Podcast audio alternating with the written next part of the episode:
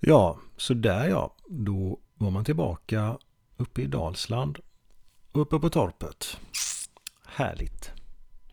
Ja, det är många som har lyssnat sen sist och många som har hört av sig och varit väldigt eh, uppmuntrande. Jag uppskattar detta. Några har även tyckt till. De har, eh, någon önskade vara gäst och någon tyckte att jag skulle ha lyssnarfrågor. Och någon tyckte att Eh, förra avsnittet avslutades lite abrupt. Och sen vill jag också påminna om att min eh, gamla barnflicka, jag har faktiskt haft en sådan, eh, hon påminner mig om att jag fick låna skivor utav hennes man. Och om jag minns rätt så var det Black Sabbaths volym 4. Tunga, fina grejer. Lika bra än idag. Och det betydde såklart mycket för en liten parvel på den tiden.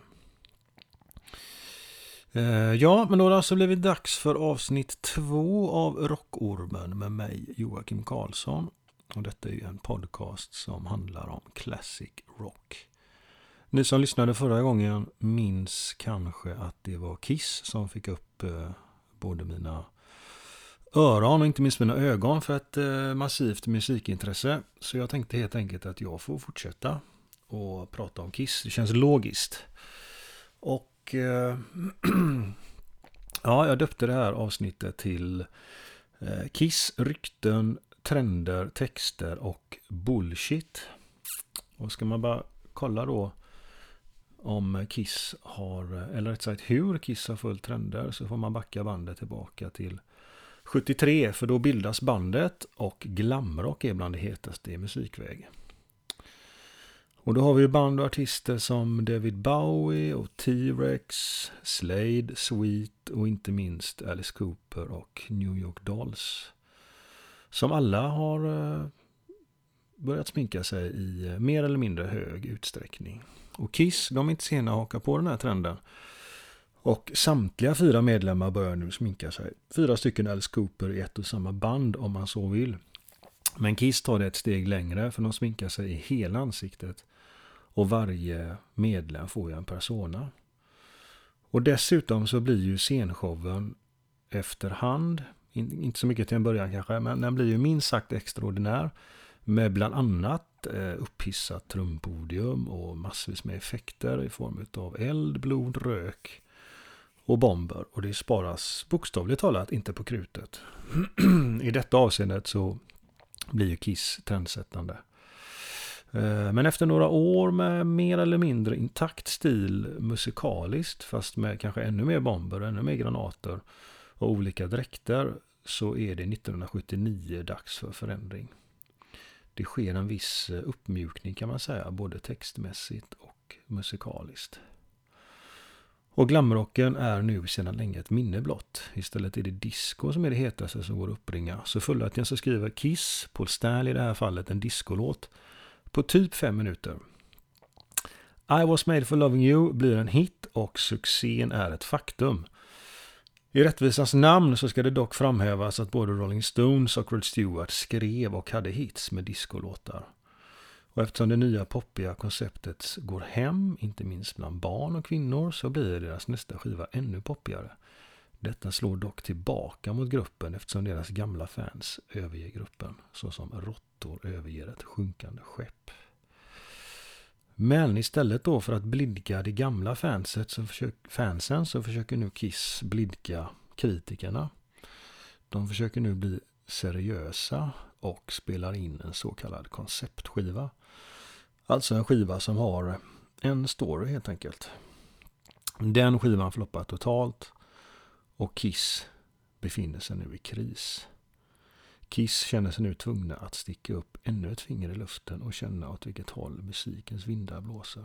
Så inom hårdrocksvärlden så är nu det populäraste NVM, det vill säga The New Wave of British Heavy Metal. Och då snackar vi om band som Iron Maiden, Saxon, Judas Priest och Motorhead till exempel. Och det är ju band som spelar snabbare och hårdare än vad 70-talets rockband någonsin gjorde. Så resultatet blir därför Kiss hårdaste och råaste skiva. Eh, som släpps 1982. Och det är förvisso ett imponerande resultat men även denna skiva floppar. Så, ur ren desperation så väljer nu Kiss att sminka av sig. Och den nya skivan Lick It Up blir en hygglig framgång. Det som är intressant att notera nu det är att ett flertal band som går hem i stugorna och börjar bli riktigt populära, till exempel Mötley Crüe, Merciful Fate, King Diamond, Wasp och Twisted Sister, de är rejält sminkade. Säkert inspirerade av Kiss, men de är hårdare, de är tuffare, yngre, snyggare och framförallt bättre. Men helt osminkade är Kiss såklart inte. Ansiktsmaskerna eller den heltäckande sminkningen är förvisso ett minne blott, men fortfarande så används en hel del rouge, eh, concealers, läppstift och foundation, brukrem med mera, med mera. Vi pratar ju trots allt om 80-talet. Ja, då ska vi se. Nu är 1984 i antågande och bortsett ifrån den här nygamla sminktrenden så gäller det nu också att ha en gitarrhjälte med i bandet. Alltså toppgitarristerna vid den här tidpunkten heter Yngwie Malmsten och Eddie Van Halen. Och varje band med självaktning ska nu vara en kille med bandet som kan spela jättefort. Och glamrocken 2.0 eller glam metal om man så vill börjar på allvar få fotfäste, främst i USA. Så Kiss går nu från klarhet till klarhet, fluffar till frisyren rejält och införskaffar en gitarrhjälte. Så återigen så har kappan vänts efter vinden. Skivan som släpps heter Animalize, den är tydligt glaminfluerad. Den blir en hit, inte minst tack vare monsterdängan Heavens on Fire. Ja, 80-talet rullar på. Eh, och eh, de nästföljande skivorna blir ju minst lika glammiga och lättviktiga som Animalize. Och kanske särskilt då skivan Crazy Night från 87. Och för övrigt ser det väl vid den här tidpunkten som glammen är som allra störst.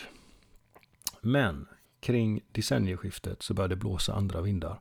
Och hårdrocken vill tillbaka till sina rötter. Så bort med hårspray, eh, och frisyren ska nu peka nedåt och inte uppåt. Bort med färgglada blusar, magtröjor och spandex och på med flanellskjorta och trasiga jeans. Man ska även låta skägget växa ut.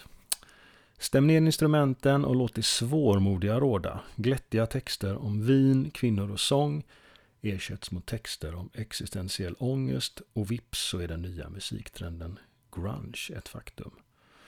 Så Kiss gör ännu en förändring. De klär sig i svart och läder och låter bli att raka sig. Revenge, som nya skivan heter, är å ena sidan en rätt mörk och tung skiva, men samtidigt också både svängig och glammig. Så man kan säga att Kiss står med ena benet i 80-talet och det andra i 90-talet. Hur som helst så blir det deras bästa skiva på 10 år. Men skivan säljer trots detta dåligt. Så när uppföljaren till Revenge spelas in runt 95 så har grungen verkligen fått fotfäste och är omåttligt populär i USA. Och Kiss tar nu steget fullt ut och spelar in en dyster, mörk och tung skiva som får namnet Carnival of Souls och som till stora delar influerad av grunge. Men skivan släpps först 1997 för något annat har nämligen kommit emellan. Så bortsett från den här grunge-trenden under 90-talet så var det i musikvärlden även mycket populärt att göra en så kallad unplugged-skiva för MTV. Aerosmith gjorde, R.E.M. och Neil Young gjorde alla den här typen av skivor. Och alla skivor blev stora succéer. Inte minst Eric Claptons Unplugged med den här megahitten eh, Tears in Heaven. Och såklart även New Quarter med Page och Plant ifrån Zeppelin. Eh, Nirvanas Unplugged-skiva blev också en megasuccé. Så Kiss hakar på även den här trenden och har dessutom med några gäster, nämligen Peter Criss Always freely. Så, nu är vi framme vid 1995 och eh, nu har eh, lyssnaren som kanske inte känner till Kiss historia så väl fått en lite bättre uppfattning. Uh, ja, något annat som jag tänkte på med Kiss det var ju också de här uh, ja, alltså massa rykten och anklagelser som har följt dem egentligen sen eh, första början. Jag tror att de här, jag tror anklagelserna kulminerade någon gång 82-83. Jag minns tydligt det första ryktet jag hörde om Kiss. Och det var Kiss dricker grisblod på stan. Det var bara det. Man kan undra varför de inte drack sitt grisblod hemma i stugan. Men tydligen så drack de det bara på stan. Och andra rykten det var att KISS är förkortning för Kids in Satan Service. Alltså att eh, deras fans skulle vara i Satans eh, tjänstgöring. Eh, men även Knights in Satan Service, knäktar eller riddare in Satan Service. Eh, har vi mer för rykten? Jo, att eh, Gene Simmons han biter sig i tungan inför varje konsert så att blodet sprutar. Och, och mitt, eh, mitt personliga favoritrykte det var att vid ett tillfälle så hade gruppen börjat vägra spela förrän publiken hade trampat ihjäl de hundvalpar som Kiss hade kastat ut till publiken. Ja, så där lät det faktiskt, det är sant. Eh, sen hade vi också anklagelser ifrån eh, den kristna högern i USA. Hör och häpna. De tyckte att Kiss Eh, var demoner från helvetet. Och sen också eh, så fick Kiss höra att de var nazister. För tittar man på S i deras logo, i logotypen där, så tror, eller ja, så påminner det en hel del om eh, SS-loggan från Nazityskland. Men då glömmer man ju av den lilla detaljen att Paul och Jean, de är ju av judisk härkomst. Så det är lite grann som anklagar en svart snubbe i södern eh, från USA att han skulle vara med i Ku Klux Klan. Jag tycker det låter orimligt faktiskt. Eh, sen minns jag också tydligt, jag vet inte, eller tydligt, eh, jag vet inte om det här är en efterkonstruktion eller om jag verkligen minns det, för jag var 9-10 då, då detta hände. Men videon till Lick It Up skulle visas 83, måste det ha varit, i tv-programmet Måndagsbörsen. Men den stoppades i sista stund för den ansågs för att vara för våldsam. Och det var också någon sån här genomgående kritik att Kiss var så våldsamma. Och hårdrock överlag var så våldsamt. Ehm, men de mest ihärdiga ryktena var såklart att Kiss är satanister och Kiss är djävulsdyrkare. Men det var aldrig någon som kunde förklara varför Kiss var djävulsdyrkare eller nazister. Och det räckte tydligen med smink, blod och uppseendeväckande kläder. Och då tänker jag att det kan inte varit Paul Stanley med stjärnan runt ögat. Eh, han var ju den som skulle eh, få flickornas gunst och kanske vara stjärnan i bandet helt enkelt. Och kan ju inte gärna ha varit Ace Frehley heller, för han var ju Space Ace, killen från rymden. Och det kan definitivt inte ha varit Peter Criss för han var ju sminkad som en kissekatt. Alltså så måste det varit Gene som varit den stora boven i dramat. För Gene sprutar eld och blod och tungan eh, den fladdrade ständigt ut och in genom käften. Eller var det kanske i texterna som budskapen låg? Jag kanske har missat någonting. Mm, jag beslöt mig i alla fall för att göra ett litet tvärsnitt i Kiss texter mellan åren 1974 och 1992. Vad ska vi se. Ja, eh, den första skivan den kom 1974. Och den heter kort och gott Kiss. Den innehåller tio låtar. Eh, en låt handlar om alkohol och en instrumental. Och de övriga låtarna de avhandlar ämnen som kyssande, prostituerade, kvinnor som trånar efter medlemmarna i Kiss och vice versa. Mest utmärkande på den skivan måste ju Nothing to lose vara, för här sjunger Gene Simmons I thought about the back door och uh, My baby please don't refuse, you know you got nothing to lose. Och det måste väl antagligen vara den mest svängiga låten någonsin om analsex. Skiva nummer två heter Hotter than Hell. Den är också från 74. Och Hotter than Hell, alltså hetare än helvetet, bär må hända denna skiva på ett sataniskt budskap. Svaret är nej, eftersom låten med samma namn visar sig vara gitarristen på Stanleys observation av en enligt honom synnerligen attraktiv kvinna. Han sjunger She looked good, she looked hotter than hell och She will burn you like a mid, midnight sun, midday sun, något sånt. Värt att nämna från den skiva är även balladen Going Blind där mannen i fråga är 93 och kvinnan endast 16 år. Världsrekord i åldersskillnad, månne. I övrigt så berör den, denna skiva samma ämnen och teman som den första. Och det gör även den tredje skivan, Dress to Kill. Här beskrivs bland annat de sexuella erövringarna gruppen gjorde under det ständiga turnerandet. Och bästa exemplet finner vi i Room Service. En eh, ganska så rockig historia skriven av Paul Stanley som innehåller bland annat textraden Room Service Baby I could use a meal. Men är Paul sugen på käk eller är han sugen på kärlek? Övriga låttitlar som Come On and Love Me, Ladies in Waiting och Lover All I Can får tala för sig själva. Då har vi kommit fram till 1976 och nu börjar Kiss bli riktigt stora och de släpper skivan Destroyer. Allmänt ansedd som deras bästa skiva och eh, ett mästerverk. Omslaget visar gruppen svävandes över marken i deras snyggaste dräkter hittills och i bakgrunden så skymtar en stad i ruiner. Kiss the Destroyers, förstörarna. Låter lite läbbigt. Och med på skivan så finns en låt som heter God of Thunder. Och här sjunger faktiskt Gene Simmons att han är uppfostrad av demoner så att han kan härska enväldigt. Men det han vill ha det är Afrodites dotter. Och resten av texten är lika märklig som den är obegriplig.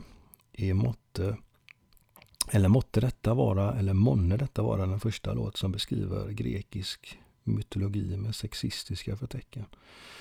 Förtecken, ja det vet jag fan. Eh, en annan Gene-låt är Sweet Pain. Sweet Pain, My Love Will Drive You Insane. Här kan man nästan ana lite masochistiska tendenser eller sjunger demonen om analsex igen. Eh, I Great Expectations så sjunger Gene om en kvinnlig konsertbesökare som trånar efter honom efter att ha sett honom på scen och hur hans händer och fingrar far fram över instrumenten. Hon får helt enkelt stora förväntningar. Texten är så självgod så att han får till exempel texten till My Way som bland annat Sinatra sjöng in att framstå som ödmjuk och återhållsam. För övrigt så löper Gene Simmons självgodhet som en röd tråd genom så gott som hela hans textskrivande. Och detta till synes helt utan humor och ironi. Bortsett från den sentimentala balladen Beth i vilken Peter Chris får lätta på sitt dåliga samvete eftersom han och hans tjej träffas allt för sällan eftersom han måste repa med grabbarna hela tiden. Så handlar Destroyer uteslutande om party, uppror, tjejer och sex. Men Kiss överträffar sig själva med sin nästa skiva Rock'n'Roll Over. För här når sexismen nya höjder. Skivan är så späckad med sexuella referenser att den får de övriga skivorna att framstå som närmast pryda. Gene sjunger av att han vill träffa tjejer på damtoaletten och locka med For my money you can't be too soon, meet me in the ladies room. Och Paul lyckas med konststycket att skriva en låt om vad som måste handla om prematur ejakulation, alltså för tidig utlösning, och får det att låta som något positivt. I Mr Speed så beskriver han sina färdigheter. I got the kind of loving that you need, I'm so fast, that's why the ladies call me Mr Speed. Strax innan så har han kritiserat kvinnan, för då sjunger han You ain't enough lady to keep the master satisfied. Det låter lite insiktslöst om man ska vara ärlig. Och i Take Me så sjunger han eh, Put my hand in my pocket and grab onto my rocket. Ja, det är inte rocket science precis. En annan låt på skivan heter Making Love. Enough said. Men värt att nämna är även Calling Dr. Love. Där demonen Gene Simmons ikläder sig själv rollen som läkare. Han kurerar sina patienter inte med medikament främst, utan istället en rejäl dos sex. The first step on the cure is a kiss. Och Enter please, get on your knees. There are no bills and there are no fees. Ja, om nu 1976 var year zero, då startskottet för punken gick och det var dags att ta tillbaka rockmusiken till sina rötter och börja om från början, så blev 1977 i Kiss värld the year of the penis. För nya skivan för året heter Love Gun. En illa dold omskrivning för Paul Stanleys Pit. Och som ren kuriosa så kan jag även nämna att rockbandet Whitesnake släpper sin första självbetitlade skiva också 1977 och den döps till Whitesnake kort och gott. Och den titeln syftar inte bara på en reptil. När Love Gun släpps så står Kiss på toppen av sin karriär och på omslaget så poserar det självsäkert och under dem så ligger det mängder av kvinnor som trånar efter gruppen. Så förutom nyss nämnda Love Gun så trånar Gene efter en riktigt ung kvinna, en riktigt ung tjej igen i låten Christine 16 och en annan låt heter Got Love for Sale. Uh, nytt på den här skivan var också att Ace hade med en egen låt som han faktiskt sjunger på. Och han eh, kan man väl säga följer lite grann samma tema som Paul och Gene. För i Shock Me så sjunger han Shock me, put on your black leather, shock me, we can come together. Strax därefter hinner man också med att släppa en liveskiva som inte är helt live, för sista sidan har eh, ett gäng studiolåtar. Bland annat en låt som heter Larger than life och den låttiteln står, jag tror inte den syftar på kärlek och sen även har Ace skrivit en låt som heter Rocket Ride där han vill ta med sin eh, kvinna på någon slags raketridtur ut i rymden. Eller var det i Sänghalmen? Ja, ja, efter fyra soloskivor och en kalkon till spelfilm som vi lämnar därhän den här gången så är vi framme vid 1979 och skivan Dynasty med den här megahitten I was made for loving you. En riktig discodänga som avskräcker de gamla fansen men som attraherar kvinnor och barn istället. Och nu sker faktiskt en liten förändring i textskrivandet. De sexuella referenserna är inte längre så explicita. De är snarare mer sensuella än sexuella. Kiss är på god väg att bli både rumsrena och mainstream. Men självgodheten hänger fortfarande med. Hugade spekulanter kan lyssna på låten Charisma för att få detta bekräftat. Här är en liten försmak. Is it the power of my touch? Do you need me too much? Ja, skivan Unmasked från 1980, den blir ännu poppigare. Och texterna ännu mer romantiska. Faktum är att sexismen här lyser med sin frånvaro. Möjligen undantaget She is so European. Och sen då så var det dags för den här konceptskivan Music from the Elder. Och här utforskar Kiss lite nytt eh, territorium. En story som kretsar kring gott och ont. Det är hopplöst att utröna exakt vad den handlar om. Men här finns i alla fall ingenting som ens påminner om sex. Men istället så bjuds det på bland annat de här pseudointellektuella texterna. The more you hurt, the less you feel the pain. The more you change, the more you stay the same. Och You don't know why you don't know. Nej, det blev inget Nobelpris i litteratur det året heller. Den största floppen i Kiss historia är nu ett faktum och det är dags för nya tag. Då blev resultatet den brutala Creatures of the Night och nu låter Kiss som ett rockband med metalinfluenser. Och därmed verkar det som sexismen är återetablerad, inte minst i låtar som Keep Me Coming, som ju faktiskt talar sitt tydliga språk. Och i Killer där Gene Simmons sjunger om att the bitch is insane, she deals with pain. Där kommer den där smärtan igen. Eh, men vi ska inte heller glömma samlingsskivan som släpptes året innan. Med fyra nyskrivna låtar, eh, däribland den otvetydiga Down on your knees. Som jag inte tror handlar om vare sig yoga eller stretching. Ha, första skivan som Kiss släpper utan smink, den heter Lick It Up och kommer 1983. Och här ryms ännu mer sextexter, men även ett visst apokalyptiskt tema går att skönja. Här kan man dra en parallell till Whitesnake igen, som nästan samtidigt släpper skivan Slide It In med bland annat låten Spit It Out. Och Kiss skiva heter Lick It Up, så kanske var 1983 The Year of the Kroppsvätska. Kiss fortsätter släppa skivor under 80-talet av varierande kvalitet, men sextexterna är konstanta. Nu ska jag inte trötta ut lyssnaren mer. Men vad sägs om Baby Don't Stop, Take It To The Top, Eat It Like A Piece Of Cake? Eller Love Is Sweet, So Insane, Come On Baby, Lick My Candy Cane. Och sen har jag några andra favoriter där. I wanna get on the case and put my log in your fireplace. Och It must be love, it fits like a glove. Och det här är ju faktiskt texter som får Spinal Tap att framstå som en samling kärnfysiker. Eller vad fan, jag tar den sista från Revenge 1992. Lock the windows, close the doors, then she gets down on all fours. Ja, det är ju lätt att se att Kiss kritiker tittade mer på gruppen än vad de lyssnade på den. Så efter en överslagsräkning så kan vi slå fast att Kiss texter handlade till cirka 80% om sex och kvinnor. De övriga 20 procenten om partaj, utanförskap och uppror. Ordet ”hell” förekommer förvisso vid några tillfällen, men har då ingenting med djävulen att göra. Så i skenet av det här så tycker jag att anklagelserna om satanism och nazism ter sig något ogrundade. Jag gör bedömningen att Kiss relation till Satan och Hitler är obefintlig, men deras relation till sex och det motsatta könet är desto tydligare. Kiss lovsjung aldrig Satan eller Hitler. De var sexfixerade, hade jättedålig fantasi och ett till synes enormt bekräftelsebehov. De kanske såg för jävliga ut och ibland så kanske det också lät för jävligt. Men det är ju en helt annan sak. Eh, ni som lyssnade på förra avsnittet, ni minns säkert att jag hade börjat tröttna rejält på Kiss i slutet av 80-talet. När den ganska tråkiga skivan Hot in the Shade kom. Sen var det tyst, relativt tyst om Kiss i alla fall i tre år.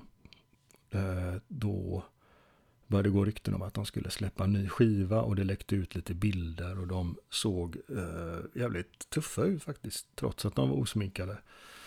Och eh, videon till Unholy, som den nya singeln hette, den skulle visas på Headbangers Ball.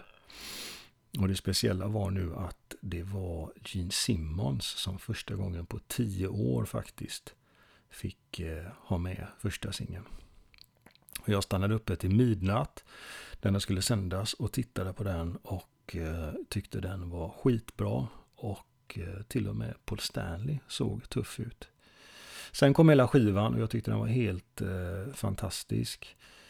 Eh, vad var jag då? Jag var väl runt 20. Eh, och det var, då var det så jäkla viktigt att Kiss var tillbaka och att Kiss var bra på riktigt. Året därefter så kom Live 3 och den var också skitbra. Med eh, bra låtar och, och eh, ja, det lät väl lite för bra men det brukar vara så med liveskivor höll på att säga. Eh, men, men, bandet var så jäkla bra nu med Bruce Kulick på gitarr och inte minst Eric Singer på trummor. Det lät jäkligt tight och eh, många körde många roliga låtar och det nya materialet var också bra. Men om vi då går tillbaka till det här 1995 då de spelade in Unplugged-skivan och de skulle visa sig återförenas då med Ace Frehley och Peter Criss. Alltså originalsättningen. Så blev jag faktiskt förvånad. För i, i, min naivitet så trodde jag aldrig att de skulle återförenas. Ace och Peter visste jag knappt om de existerade längre. Eh, så naiv var jag. Mm, och eh, ja, det blev en jäkla kissfeber får man väl ändå säga. Och jag minns att jag fick eh, uppdraget att handla biljetter för både kompisar och kompisars kompisar. För de hörde av sig och var i extas. Folk jobbar ju eller pluggade. Jag minns inte riktigt vad jag gjorde då. Men jag minns i alla fall att jag står i kön till Pipcenter på Frölunda torg. Och jag har flera tusen eh, kronor i fickorna. Som jag ska köpa biljetter till Kreti och Pleti. Och sen då så var det dags eh, för konsert i december 96 på Skandinavium. Och precis som konserten 88 som jag pratade om i förra avsnittet så blev det också lite av ett antiklimax. Det var ju skitfräcka effekter såklart men Kiss hade blivit eh, sämre. Jag jag diggade det där nya Kiss i början, eh, första hälften av 90-talet. De har nog aldrig varit bättre faktiskt. Så paradoxalt nog så blev den här återföreningen Eh, startskottet för alla de här ändlösa turnéerna och en gradvis eh, försämring. För tänk vad coolt om man nöjt sig med bara en återföreningsturné och sen dragit sig tillbaka. Så man kan ändå säga att den här återföreningen med originalsättningen, det blev något negativt, i alla fall för mig personligen. Eh, och någonstans i den här vevan också, jag vet inte, 98, 99 kanske, så lyckades de eh, skriva en skiva som eh, fick namnet Psycho Circus och det var en tråkig historia. Och den blev definitivt spiken i kistan för mitt intresse för Kiss. Jag fortsatte istället att lyssna på hiphop, R&B och soul. Ja, nu ska jag faktiskt ta och runda av här. Och jag ska avsluta med att raljera lite grann. alltså, folk får göra som de vill. Men att gå och se Kiss nu för tiden, det är för mig fullständigt obegripligt. Det är samma låtar och det är samma show som det varit, som det har varit de senaste 25 åren. Fast nu är Gene och Paul typ 70 bast och de rör sig letargiskt över scenen. Paul Stanleys röst den är så sliten att den knappt håller för mellansnack. Ett mellansnack som för övrigt är erbarmligt dåligt. Men likt förbannat så hävdar de att bandet är bättre än någonsin och låter bättre än någonsin. Skitsnack säger jag. Och lägg, lägg där till de två senaste studioskivorna som milt uttryckt inte håller måttet. Så vill jag nästan ta ordet bedrägeri i min mun. Om jag går på en friidrottsskala där Usain Bolt lovat att springa 100 meter på rekordtid för att han hävdar att han är snabbare än någonsin men istället lunkar samma sträcka på en halv minut så skulle jag känna mig rejält lurad. Det är ju pinsamt och hans vägnar och inte värt pengarna om du frågar mig. Tittar man på Mästarnas mästare så vet man att de gamla veteranerna de kommer göra bra ifrån sig. De övertygade sina försök att upprepa forna glansdagars prestationer. Eh, inte minst Ingmar Stenmark. Han tog sin uppgift på största allvar och presterade därefter. Och det är mer än vad man kan säga om Kiss. Inget smink och inga bomber i världen kan dölja det faktum att bäst före-datumet har passerat sedan länge. Ingen passion och en väldigt låg energinivå. De hävdar att de gör det för fansens skull. Sanningen är snarare att de gör det för fansens pengars skull. Och det är en jävla skillnad. Tack för att du lyssnat. Hej!